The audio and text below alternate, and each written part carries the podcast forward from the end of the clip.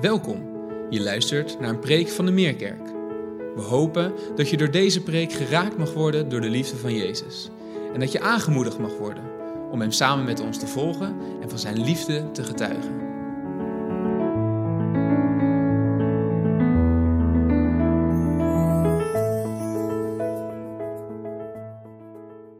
Lieve mensen, fijn om bij jullie te zijn. Ik wil graag met je lezen een gedeelte uit het Bijbelboek Handelingen.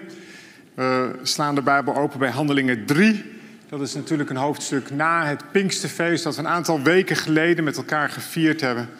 Een bekend verhaal, daar waar Johannes en Petrus, iemand die verlamd is in de naam van Jezus, mogen genezen.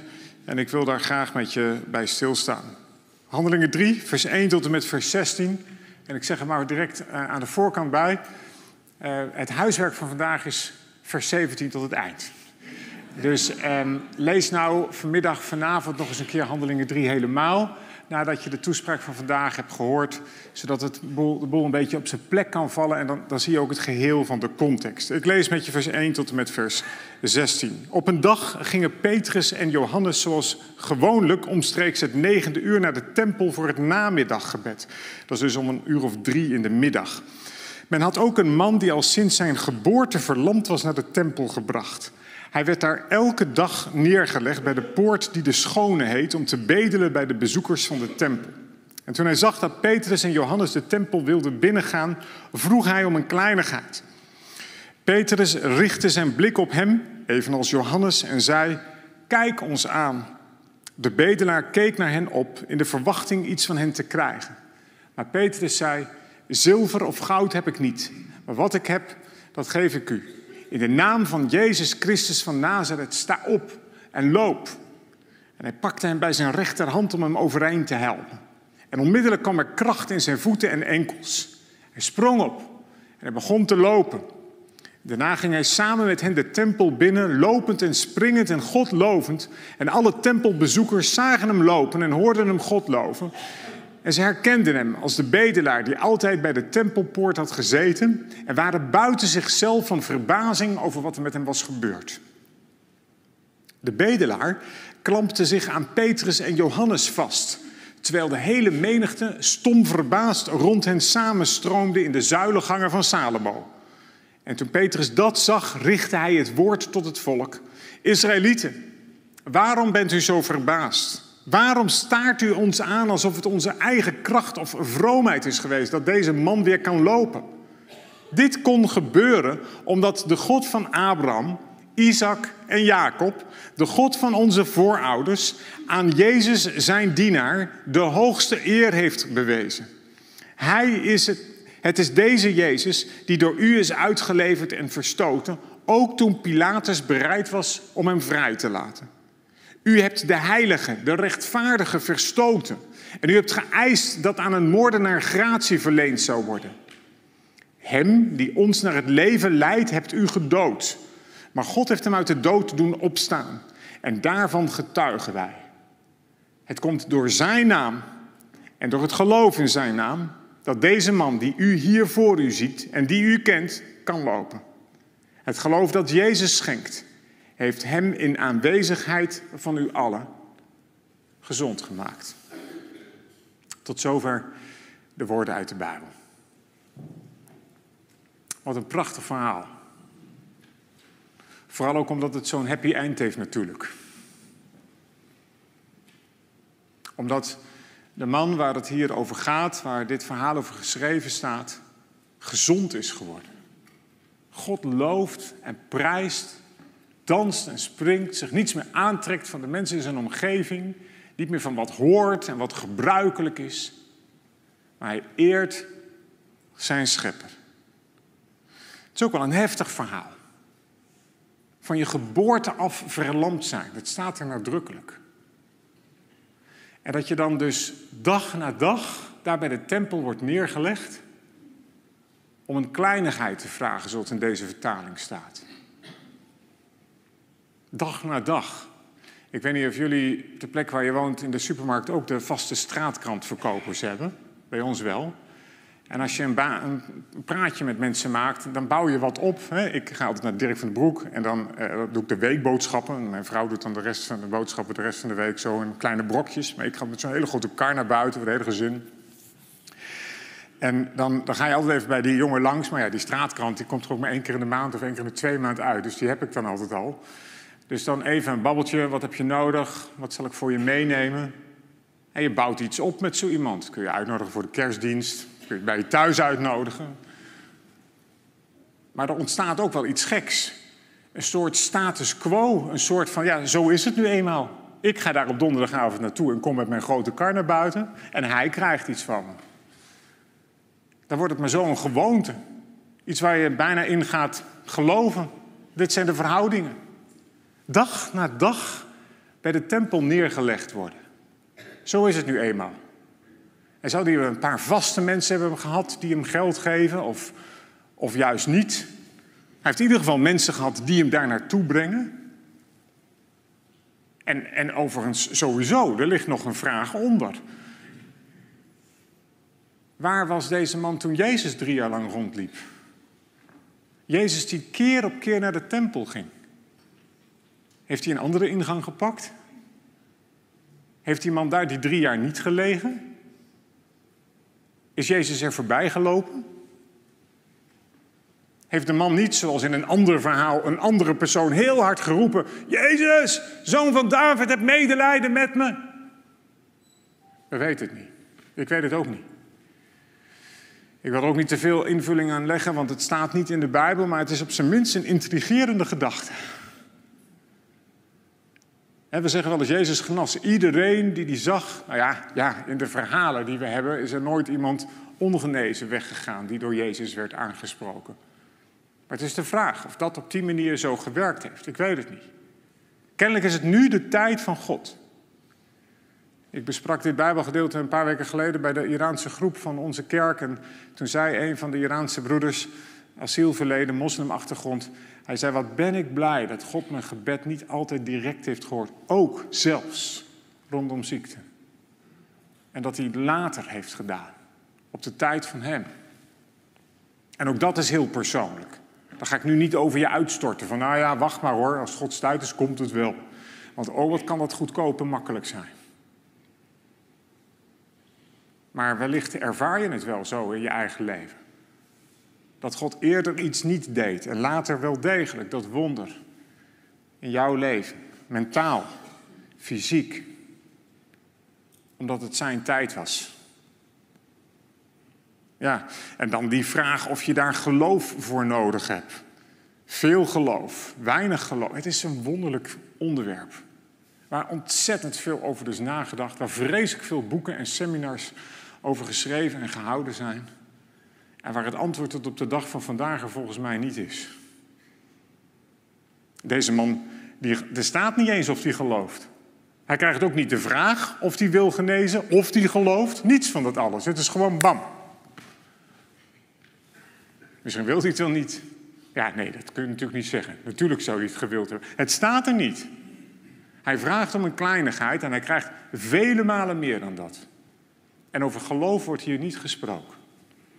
Nou, niet in dit eerste stukje, wel verderop. Ik kom er straks op terug.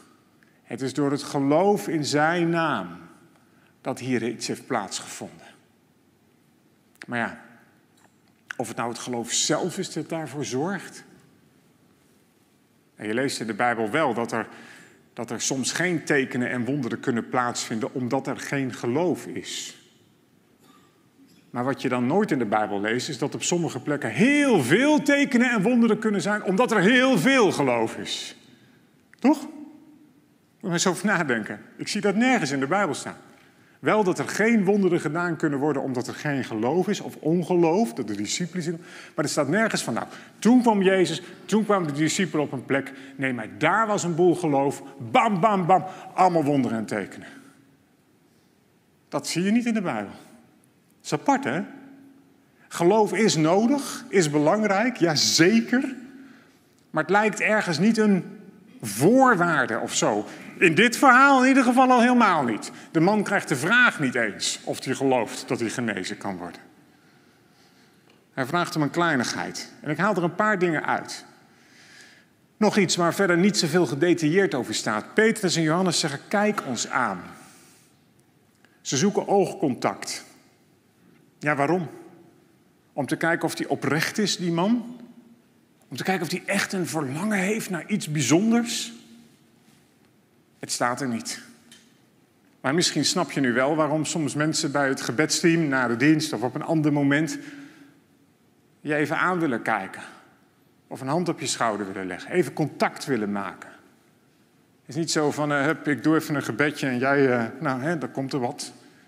Er ontstaat een band, een binding tussen mensen. Hier tussen Petrus en Johannes en tussen deze persoon. Ook dat herken je misschien wel. Dat iemand met wie je opgetrokken hebt. Een familielid, een vriend, een vriendin, een broeder of zuster in de kerk. Dat je iets geestelijks met hem of haar voelt. Gewoon omdat er iets moois is gebeurd waar je samen bij betrokken was. Dan voel je je voor de rest van je leven haast verbonden met iemand. Kijk ons eens aan. Moet je geen trucje van maken, maar het is niet gek. Als je even contact zoekt met de ander. Als je gaat bidden. Een verbinding naar het hart. En nogmaals, het tweede wat opvalt, dat is dat Petrus hier heel nadrukkelijk niet zomaar zegt: sta op en loop. Dat zou Jezus misschien gedaan hebben. Nee, hier staat in de naam van Jezus Christus van Nazareth. Dat is voor het eerst. Dat lees je in de Evangelie niet. Hier in Handelingen wel. Jezus is naar de hemel gegaan, er is Pinksteren geweest. En nou zeggen de discipelen in de naam van Jezus Christus van Nazareth. Ja, ze moesten wel. Want in wiens andere naam zou je dit kunnen doen? Jezus liep langs en hij wekte mensen op, zelfs uit de dood. Hij genas ze en daar hoefde hij geen beroep te doen op zijn naam of iets in die trant. Hij was daar. De discipelen moeten dat wel. En jij en ik ook. Daarom bidden we natuurlijk in Jezus' naam. En in de Nederlandse cultuur is het niet zo heel gebruikelijk om, om, om een naam aan te klampen. In de zin van, ik ben een zoon van die, of ik uh, hoor bij die, of ik ben een broer van die, of wat dan ook.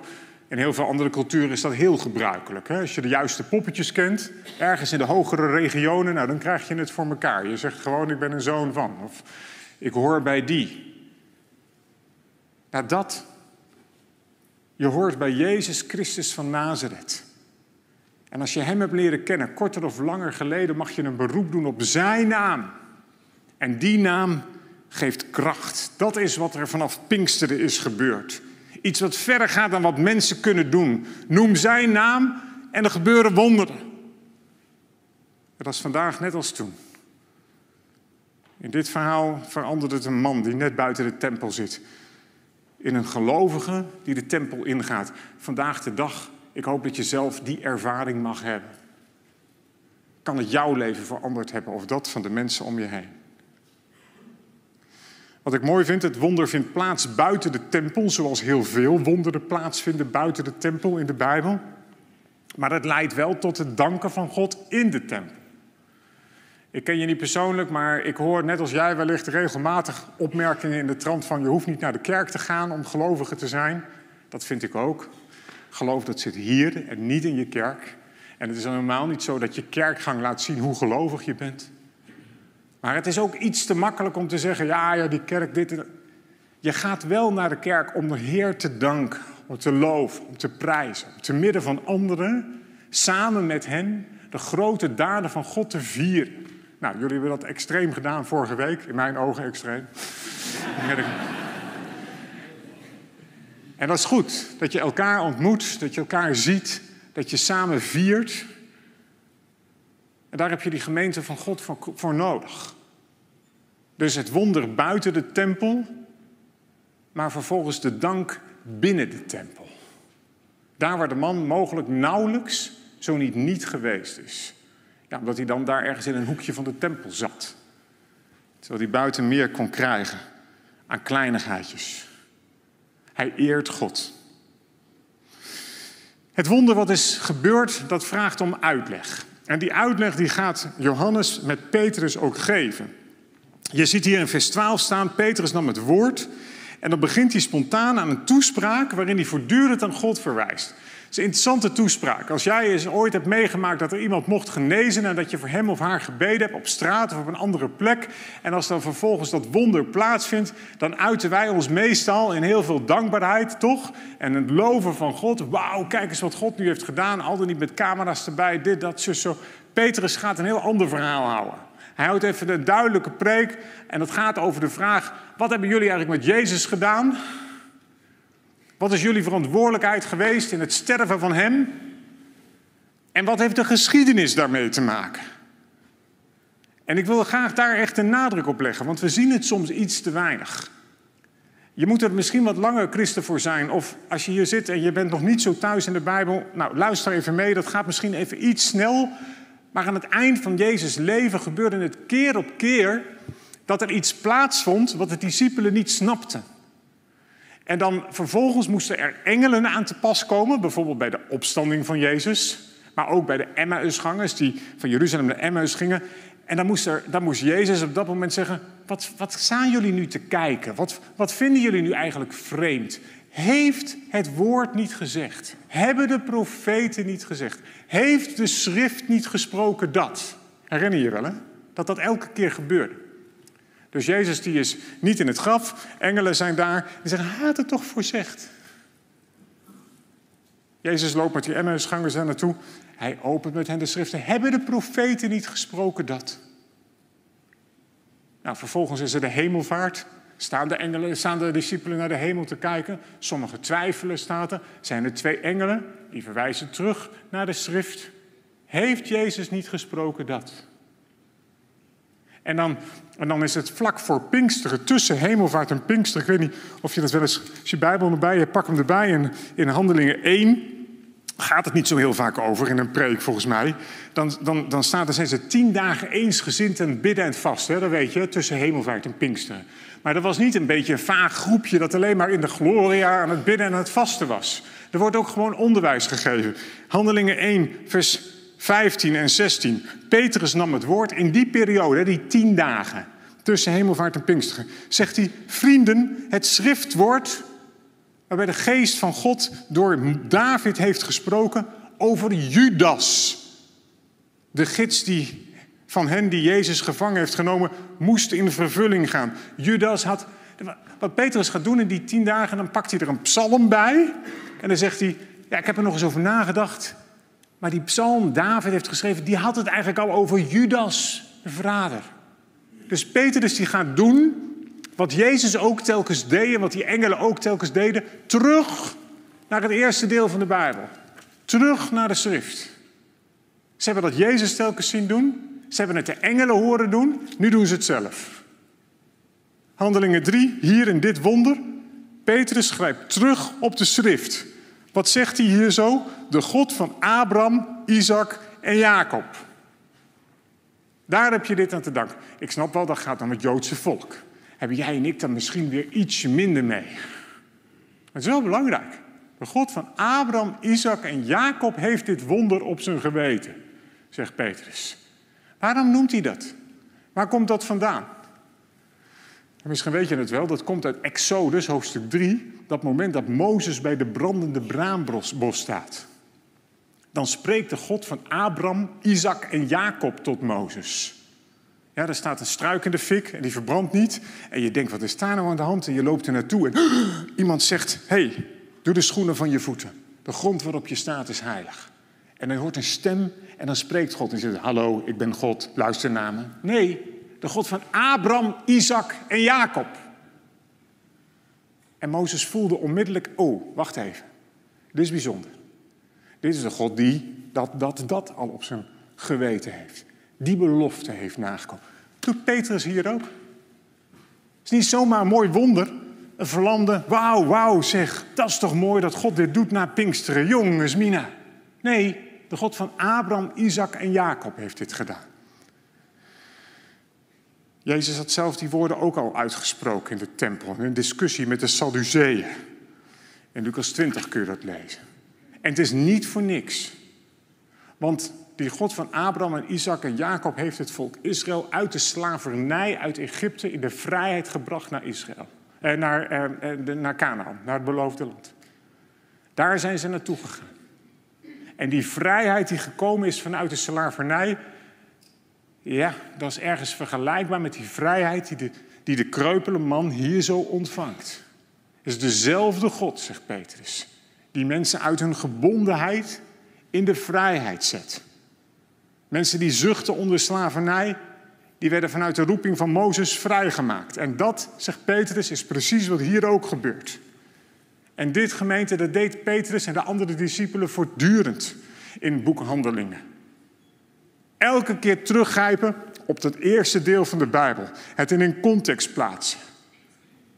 Het paaslam, dat is geslacht. De wet is gegeven bij de Sinaï. Dat was allemaal niet voor niks. Dat was ook 50 dagen na de uittochten dat ze bij de Sinaï kwamen en die wet kregen. Ja, dat paaslam, Pasen, 50 dagen later, het Pinksterfeest in het Nieuwe Testament, is er die geest van God die neerdaalt als een soort nieuwe natuur die je doet leven voor Hem. Zoals het volk Israël voor Hem ging leven. Het is meer dan symboliek. Het is niet alleen toevallig leuk dat het bij elkaar hoort. Dit, zegt Petrus, is wat er gebeurt. Mensen die op pad gingen naar het beloofde land. En diezelfde God die dat bewerkte, doet hier een wonder. En al die thema's komen samen in Jezus Christus van Nazareth. Je zou haar zeggen, als we naar Jezus kijken en als we zien wat er in zijn naam gebeurt, krijg je telkens weer het gevoel, net alsof je bij Mozes ergens bij die brandende struik zou staan en iets spectaculairs ziet. Iets wat ons duidelijk moet maken dat God ons niet vergeten is en dat de God van de voorouders leeft en dat hij zijn belofte waarmaakt. Nou, ik zou je haast uitdagen als je van vakantie niet te veel te doen hebt, ga het boek Handelingen nog eens op die manier lezen. En zie hoe vaak de discipelen teruggrijpen op de geschiedenissen daarvoor. Nogmaals, zoals ze dat eerder telkens niet deden en telkens gecorrigeerd moesten worden door de engelen en door Jezus zelf. Wat staan jullie hier nou te kijken? Waar ben je nou verbaasd over? Petrus ook precies zo hier. Precies zo. Wat denken jullie nu eigenlijk wat hier gebeurt? Israëlieten, vers 12. Waarom bent u zo verbaasd? Waarom staart u ons aan en denkt u dat het in onze eigen kracht gebeurt? Ik vind dat heel mooi. En volgens mij is het een les voor jou en voor mij. Namelijk dat we vaker hierop terug moeten wijzen. En sowieso gegrond moeten zijn in dat. Nog even een kritische voor alle lieve broeders en zusters die hier zitten en die zeggen: we moeten gewoon terug naar de kerk van handelingen. Ja, dat moeten we zeker. Terug naar de kerk van handelingen. Maar dat betekent niet terug naar een kerkje waarin we hup, hup, hup, een wonder, dit en dat en al die kerkdingen en regels, laat het. Dit is de kerk van handelingen. Als je graag terug wil naar de kerk van handelingen, zorg dat je dit kent. Zodat je kunt, een beroep kunt doen op de, op de God van Abraham, van Isaac, van Jacob. Die een plan heeft met deze wereld. Een plan waar jij en ik in mogen voegen. Iets in mogen betekenen. Jullie hebben er vaker weer stilgestaan, een paar jaar geleden hier in een serie, waarin ik ook iets mocht betekenen. Met alle respect, God heeft een plan met jouw leven. Ja, mijn plannen over u, zegt de Heer, staan vast. Ik heb een hoopvolle toekomst voor ogen voor je. Maar het gaat niet om jouw leven. God heeft een plan met je leven. God heeft een plan met deze wereld. En daar mag jij, wie je ook bent, een plekje in innemen. Gezond, ziek, sterk, beetje zwak, verschillende culturen, oud, jong. God heeft een plan met deze wereld. Loopt gewoon door, de hele Bijbel door. En ook nu. En o wonder van genade, jij en ik mogen er een plekje in innemen.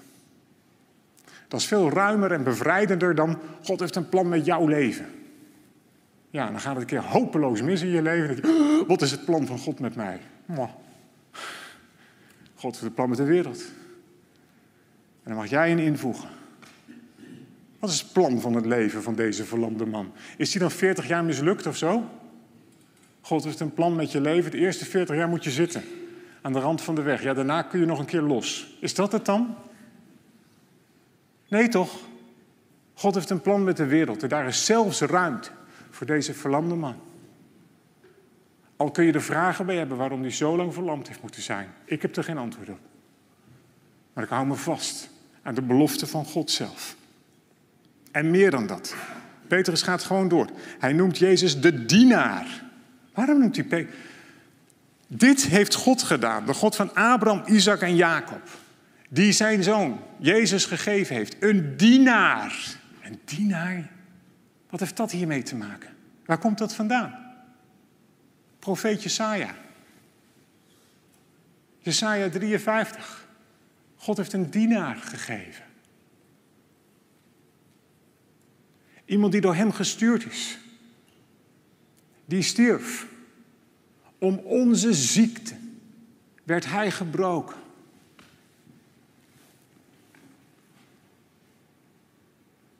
Om onze lijden werd hij geslagen. God heeft hem ons gegeven. Een dienaar. En die dienaar, die je niet als een soort slaafje moet willen zien, is door hemzelf verhoogd. God heeft hem de hoogste eer gegeven. Ja, jullie eisten dat er een moordenaar werd vrijgelaten. Wat heeft dat er nou weer mee te maken? Petrus wil de mensen die daar staan en die, die, die getuigen zijn van het wonder duidelijk maken dat wat hier gebeurt, dat het allemaal samen balt in, in een Jezus die geleden heeft, die aan een kruis gestorven is, die is opgestaan, die naar de hemel is gegaan, die zijn geest heeft uitgestort.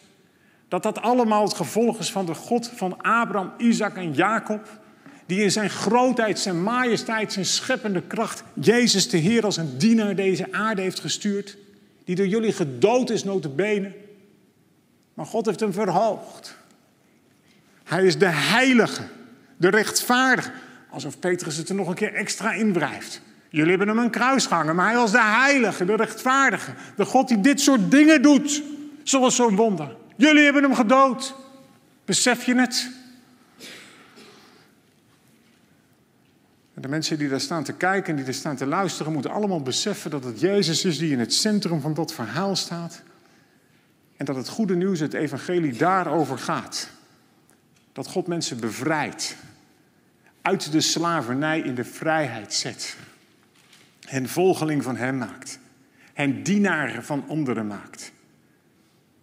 En dat ze verhoogd worden. Heilig. Heilige priesters. Rechtvaardigen. Door het offer, door het kruis genoemd worden. Jezus, maar ook jij en ik. En prachtig dat dan in vers 15 vervolgens Jezus ook nog degene wordt genoemd die ons naar het leven leidt. Degene die het leven brengt, met wie het nieuwe leven begint, die je wegbaant door de dood, door de gebrokenheid heen. Dit is precies hoe Jezus eigen leven was. Lijden, sterven en godzijdank opgestaan. Jullie hebben hem de dood ingejaagd. De man die het leven bracht. Maar godzijdank is het daar niet bij gebleven, want is er een opstanding geweest. Het hart van de verkondiging van de jonge kerk uit Handelingen 3. Het hart van de verkondiging vandaag de dag, anno 2022. Daarom, door die opstanding van Jezus, is uiteindelijk die man genezen. En dan voegt Petrus er nog één aspect aan toe. Een belangrijk aspect, een heel belangrijk aspect uit de vroege kerk. En vandaag de dag nog steeds. Het is de naam van Jezus, vers 16. Door het geloof in die naam dat dit kon gebeuren. Het is niet alleen maar Jezus roepen en dan gebeurt het wel. De naam van Jezus, ook het geloof in die naam. Daarom aanbidden we die naam. Daarom zingen we over die naam. Hier op zondag en op allerlei plekken in deze wereld, op kerken en op allerlei plaatsen. Misschien wel in je vrachtwagen of in je auto of onderweg naar vakantie met aanbiddingsliederen of wat. De naam van Jezus. Het is door die naam en door het geloof in die naam dat dit kan gebeuren. Maar het komt niet zomaar op uit niks. Het heeft een geschiedenis. Het heeft een historie, zegt Petrus. Het heeft zo moeten zijn. Nou, en ik noemde al, als je dat zou gaan ontleden, afpellen, dan, dan wordt het best wel een beetje spannend. Want waar is dan hier precies het geloof? Nou ja, bij Petrus en Johannes. We lezen in ieder geval niet dat het bij de verlamde man is. Wat niet betekent dat het er niet is, maar het is in ieder geval geen voorwaarde. Misschien net zoiets als bij die vrienden die op de duur eh, met z'n vieren een, een, andere verlamde door het dak laten zakken in het evangelie voor de voeten van Jezus. Daar lees je ook eigenlijk niet zozeer dat er heel veel geloof bij die man zag, was. Jezus zegt zelfs het geloof bij hen ziende, meervoud, bij die vrienden. Dus kennelijk kun je ook ergens voor een ander geloven. En kan er een wonder plaatsvinden. Maar er is geloof nodig. Er is geloof nodig. Geloof in de naam van Jezus. De naam die 2000 jaar geleden kracht had. De naam die, die vandaag de dag kracht heeft. Die heelheid brengt. En in de grondtaal, goed om nog even te noemen, gaat het niet alleen maar om beter worden, maar om volkomen gezondheid. Naar geest, naar ziel, naar lichaam. Niet alleen fysiek georiënteerd, ook mentaal. De naam van Jezus die volkomen gezondheid brengt. Nou, tenslotte, ik wil graag nog één keer met je lezen, vers 16. Het komt door zijn naam en door het geloof in zijn naam dat deze man die u hier voor u ziet en die u kent kan lopen. En er staat hier geen punt. Stel dat dat wel zo was, dan had ik ook niet zoveel heel anders te zeggen dan hier vanmorgen tegen jou, tegen mezelf. Het komt door het geloof in die naam. Geloof je het? Maar er staat een punt, komma. En het tweede deel van de tekst, degene van jullie die in hun Bijbel meelezen, die weten het.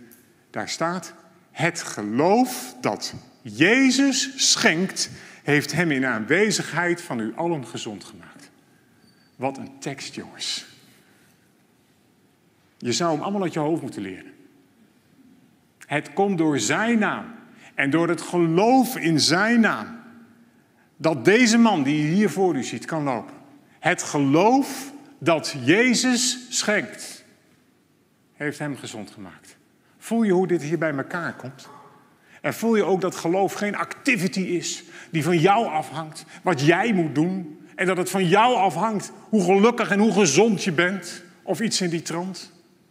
Het komt echt samen. Het komt door het geloof in zijn naam. Zeg niet dat het kan zonder dat geloof. Nee. Maar het is wel geloof dat Jezus gegeven heeft. En als je dat mist, moet dat je honger en je dorst zijn. Moet dat je verlangen zijn. Mag dat je gebed zijn. Heer, dat geloof wil ik zo graag hebben. Ik heb het niet uit mezelf. En pas het dan alsjeblieft toe op je eigen leven. Het komt door zijn naam. Het komt door het geloof in zijn naam. Dat deze jongen hier vanmorgen mag staan. Om je het evangelie te verkondigen. Door God in zijn kraag gegrepen op een dag. Om een verkondiger van de blijde boodschap te zijn. Het geloof wat Jezus hem gegeven heeft en niets anders. Maakt dat dat kan. Treja, het komt door het geloof het, het, komt door zijn naam, door de naam van Jezus en door het geloof in zijn naam. Dat, jij, dat, je, hier, dat je hier het programma mag leiden, de samenkomst. Dat je werk mag doen, hoog in de lucht en hier. En niet om wie jij bent, het geloof wat Jezus je gegeven heeft. Maakt het mogelijk dat je dat doet. Muzikanten, mensen van, van de film, van het geluid. Het komt door zijn naam en door het geloof in zijn naam. Dat je hier terecht bent gekomen in deze kerk, korter of langer geleden. En dat je mag dienen in het koninkrijk van God. Het geloof wat Jezus je gegeven heeft. Dat is de bron van dat wat je hier mag doen. En hoe je hier zit. Als je zit in je rolstoel. Als je misschien al wel vaak gebeden hebt of anderen met je gebeden hebben. Als je verlangt naar genezing de hoop misschien wel hebben opgegeven. De dag mogelijk komt dat God het alsnog gaat doen. En ook als dat niet zo is. Het komt door zijn naam. En door het geloof in zijn naam. Dat je op deze zondag hier met je rolstoel in de Meerkerk bent gekomen. Dat je God mag eren op de plek die Hij je gegeven heeft. Het geloof wat Jezus je gegeven heeft, zorgt ervoor dat je het volhoudt. Eben naar ezer, tot op de dag van vandaag. En voor jullie is het zichtbaar in je rolstoel. Maar we zitten hier met allemaal mensen met klachten en met beperkingen. Fysiek, mentaal. Dat wat iedereen kan zien, dat er bijna niemand kan zien. Het komt door zijn naam. En door het geloof in zijn naam. Dat je op zondag 3 juli hier in de Meerkerk je open mag stellen voor dat wat God geeft. Het geloof dat Jezus gegeven heeft. Wat je doet volhouden. Wat je kracht geeft om door te gaan. In rouw, in verdriet, in ziekte, in tegenslag, in teleurstelling. De God van Abraham, de God van Isaac, de God van Jacob. Hij is begonnen toen en hij gaat door. Jezus de dienaar, om wiens striemen wij genezing zullen ontvangen. Jullie hebben hem de dood in gejaagd, maar God heeft hem tot leven gewekt. De rechtvaardige, de heilige, op wie je mag lijken en bij wie je mag horen. Het komt door zijn naam en door het geloof in zijn naam. Dat je mag zijn wie je bent. En dat God je wil maken zoals Hij je bedoeld heeft. Het geloof wat Jezus je gegeven heeft. Maakt dat je vandaag de dag mag zeggen, Eben naar Ezer. Abba, Vader. Amen. Laten we een moment stil zijn.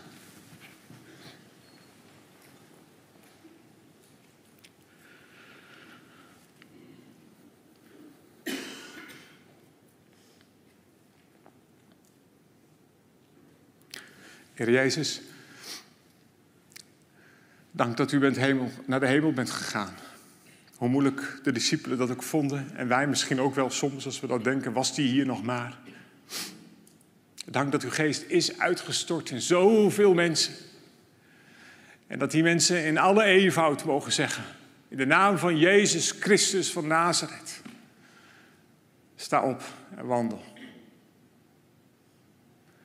En in de gebrokenheid van ons bestaan, op deze zondag, willen we tegen u zeggen, wat verlangen we naar veel van die wonderen van u. En in dankbaarheid willen we tegen u zeggen, dank voor wat u hebt gedaan. Mentaal, geestelijk, spiritueel in onze levens, maar ook fysiek. Daar waar u herstel hebt gegeven, genezing, gezondheid. Daar waar u harten hebt verbonden. En waar u, Heer Jezus, nadrukkelijk heelheid hebt gegeven. En tegelijk bidden we u voor elkaar. Of we in een rolstoel zitten, verblind zijn, doof. Of we mentale beperking hebben, geketend worden misschien wel door depressie. Als er al zo vaak gebeden is voor iets in ons leven waar we graag herstel en genezing zien, zeggen we tegen u, Heer Jezus, alstublieft, in uw naam. We geloven dat u dit kunt doen. Het komt door uw naam en het geloof in uw naam. Dat u herstel kunt brengen. God van Abraham, van Isaac, van Jacob. Die uw volk Israël bevrijden. Bevrijd ook ons. Van onszelf. En breng ons in de vrijheid van het beloofde land. Bij u. En als uw weg op dit moment zo met ons leven is dat we ons afvragen waarom dan eigenlijk? En hoe dan eigenlijk? Dan wil ik u bidden om volharding in uw naam. Dan wil ik u bidden dat we in dankbaarheid ons mogen vastklampen aan die woorden uit de tekst. Het geloof dat Jezus gegeven heeft zorgt dat ik hier kan zijn en mag leven. Heer wil ons dat geloof geven. Het geloof dat Jezus gegeven heeft. We strekken ons er naar uit. En we verlangen ernaar. Van u moet het komen. En bij u willen we zijn. Werk met uw geest, alstublieft, in onze harten. En geef ons uw genezing, uw herstel, uw geloof. In Jezus' machtige naam. Amen. Fijn dat je hebt geluisterd. Voor meer informatie ga naar www.meerkerk.nl.